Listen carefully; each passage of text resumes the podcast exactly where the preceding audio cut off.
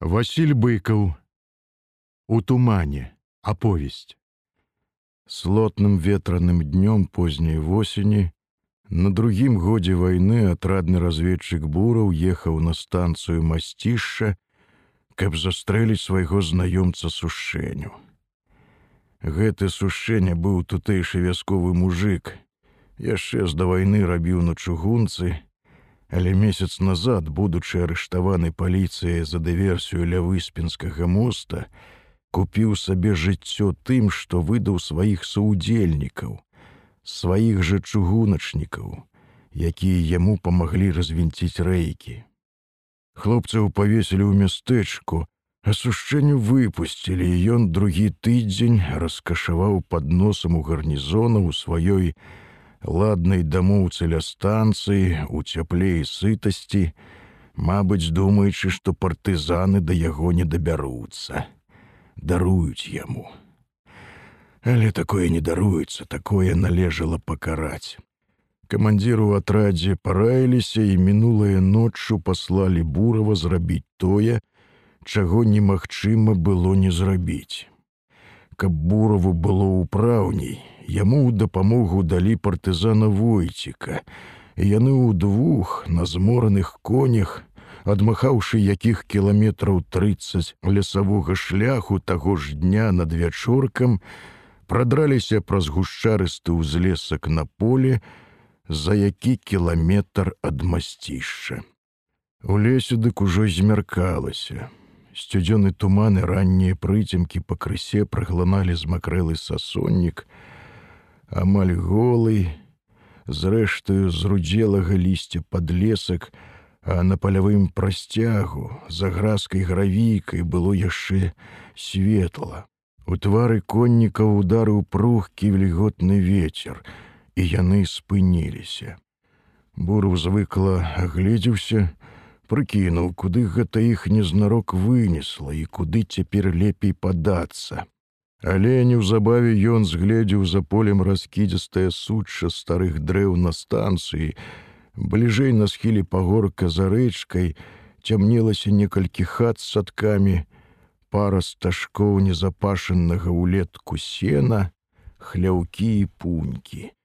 Ніжэй у канцы гародаў ля рэчкі, сіратліва тулілася за кустоўем невялічкая будыненка лазні, Там з даўнія пары памятаў бураў, была кладка цераз рачулку, Мабыць, цяпер там будзе як перабрацца іконна.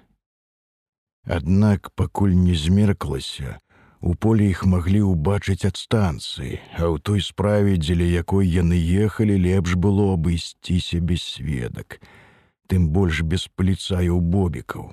Калі бобікі іх заўважаць, то лічы ўсё прапала прыйдзецца змывацца ў лес далей ад людзей наогул далей ад масцішча.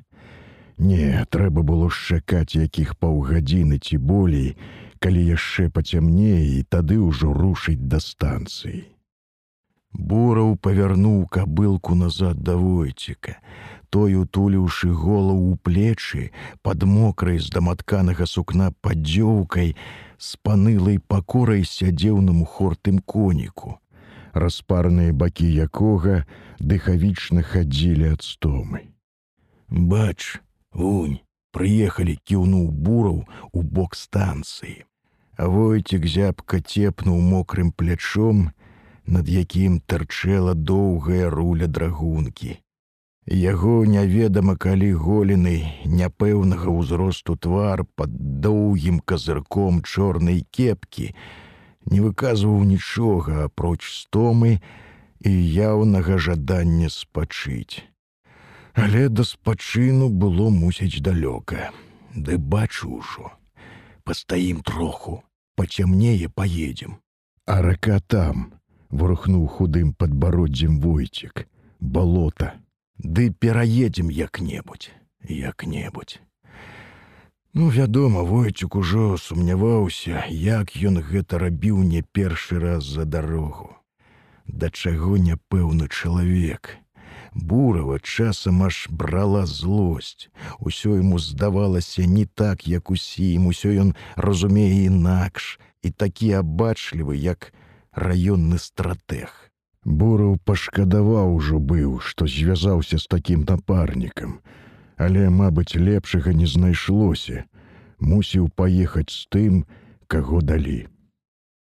Не злазячы долу, яны стаіліся за ліховым голлем на ўзлеску, даючы трохі спачыць коням ды і самім перавесці дых. Першы раз за сённяшні дзень. Бураў азіраў поле, якое ён памятаў яшчэ з таго часу, як сам жыў на станцыі. Улетку тут было, здаецца, жытное. Даўно ўжо, аднак прыбранае. Добра, адратаваны жывёлай палетак з патаптаным іржышчым раскіс ад дажджу. У затравянелым доле цьмяна пабліскавалі вадой каровіны сляды. Размяклыя каровіны ляпёхі шэрымі плямамі ляжалі на сцежцы, а край палетка. Прыцьмелая далячынь за полем і станцыі паціху асядала ў слотных вечаровых прыцімках, але паблізу яшчэ было досыць відна, каб іх маглі ўбачыць здалёк. Думаеш, ён наш жэ? сказаў помаўчаўшы войцік, Мабыць, маючы на ўвазе тое галоўнае, што цяпер турбавала абодвух. Можа і не жжэ. Даўно змыўся куды. У паліцыю можа. Прыедзем пабачым, а то сядзем у засаду, адчуўшы міжвольную прыкрасць ад тых абачлівых слоў памагатага, сказаў бураў. Войцік насцярожана пазіраўся ў адзін бок, у другі, хоць змаўчаў, Бураў разумеў, што сядзець тут у засадзе яму дужа не хочацца. Хочацца хутчэй назад у валоўскую пушчу, да сваіх буданоў, дзе хоць трошкі ўгрэўна ля дымных цяпельцаў і ўжо напэўна бяспечней, чым каля гэтай станцыі. Увесь дзень яны перліся лесавымі дарожкамі, па лужках пералесках змакрэлі на слаце ды ў зарасніках, Сцёгны плечы і калені даўно ўжо здранцвелі ад сцюжы. Ехалі без сёдлаў. У бурава пад задам муляла нейкая скарэлая раддзюшка, якая ўвесь час збівалася то на адзін, то на другі бок, а войцік тросся на нічым не пакрытай вострай хрыбціне свайго касмылявага коніка. Абодвум даўно хацелася есці трохі перахапілі яшчэ на світанне ў лагеры. З сабой не было чаго ўзяць, думалі, прыдбаюць, што па дарозе. Але на шчасце ці на бяду дарога выдалася такая, што ніхто ім нідзе не спаткаўся, а ў вёскі яны не заязджалі, каб незнарок не наскочыць дзе на паліцыю. Зробяць справу, будуць ехаць назад, тады можа, куды заскочыць, каб перакусіць і пасушыцца але відаць менавіта такі варыянт і быў не по нутру войціку быццам ён гэты варыянт быў даспадобы бураву. Ужо лепш схадзіць куды-небудзь на сувязь у гарнізонце яшчэ лепш на хутар або пасядзець под ёлкай ля шашы ў засадзе чым перціся на такое заданне. Але во мусіў хацеў бо не начальство аб тым не пытала загадала і ўсё бяжы выконвай. Зрэшты тут зразумела. Апроч яго бурава гэтага сушэню з масцішча у іхнім атрадзе ведаў у твар хіба адзін коўзун, ну, што поркаўся з лета на кухні. Але коўзана хіба пашлеш на такое. Гэты вясковы дзядзька мусіць з вінтоўкі за жыццё не стрэліў, ці яму справіцца са здаровым дужым сушэннем. Увогуле ж, калі разабрацца, дык пакуль што ім не было чаго наракаць, усё складвалася больш-менш удала, і бураў быў бы давольны, калі б трохі спачыў. Усё ж за гэтыя дні ён добра такі выматаўся. Мінулую ноччу спаў усяго якіх пару гадзін. Позна ўначы прытопалі з хамутовым зарэсы, дзе разведавалі новае месца для лагера. Начальство надумалася мяняць на зіму лагер, каб далей зашыцца ў лясныя нетры, бо калі пазамярзаюць паплавы балоты, тут у пушчы атраду не ўседзець. Тры дні яны з хамутовым і яшчэ адным разведчыкам з падулы поўзалі лазілі па-над гэтаю рэсай, што-нішто там усё ж выглядзелі, толькі вярнуліся стомленыя, мокрыя і галодныя, а тут на табе, едь у масцішча. Праўда, бураў не меў такой звычкі адмаўляцца, сказаў ёсць, будзе зроблена. Але гэта не значыць, што ў ягонай душы зайгралі аркестры. Душа яго плакала як на хаўтурах.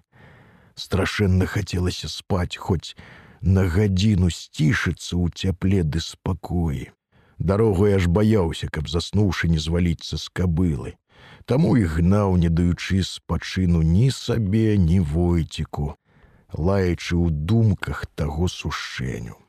Праўда, па дарозе той гнеў стаў трохі меншаць. Буру стаў прывыкаць да сваёй малапрыемнай, калі не сказаць агіднай місіі. Але цяпер, апынуўшыся праз адно поле ад хаты здрадніка, адчуў, як нешта ў ім зноў паднялося ад нецярплівае крыўднае злосці. Увогуле бураў быў чалавек крайніх поглядаў на людзей і або прымаў іх цалкам, або гэтак жа цалкам адвяргаў.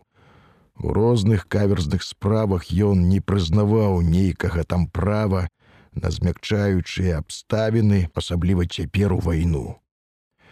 Сапраўды, хіба тут можна было зважаць на якія прычыны, калі з прычынамі і без іх пагінула столькі людзей, і канца гэтай пагібелі не відно далёка. Мабыць, тут трэба адно. Адвага і цвёрдасці, калі ўжо так сталася, што ты папаўся ў іхняй лапы, дык памры па-людску, але не нашкодь іншым. Тым, хто мае магчымасць нешта зрабіць, а можа яшчэ і адпомсціць за тваю пагібель. А гэты чыгуначны смоўж сушэння, бач ты яго, захацеў выжыць і прадаў сваіх хлопцаў, быццам яны не хацелі жыць ці мелі на тое меншае за яго права. Не, відаць, у атрадзе рашылі правільна. Такога трэба прыстукнуць, каб іншым была навука.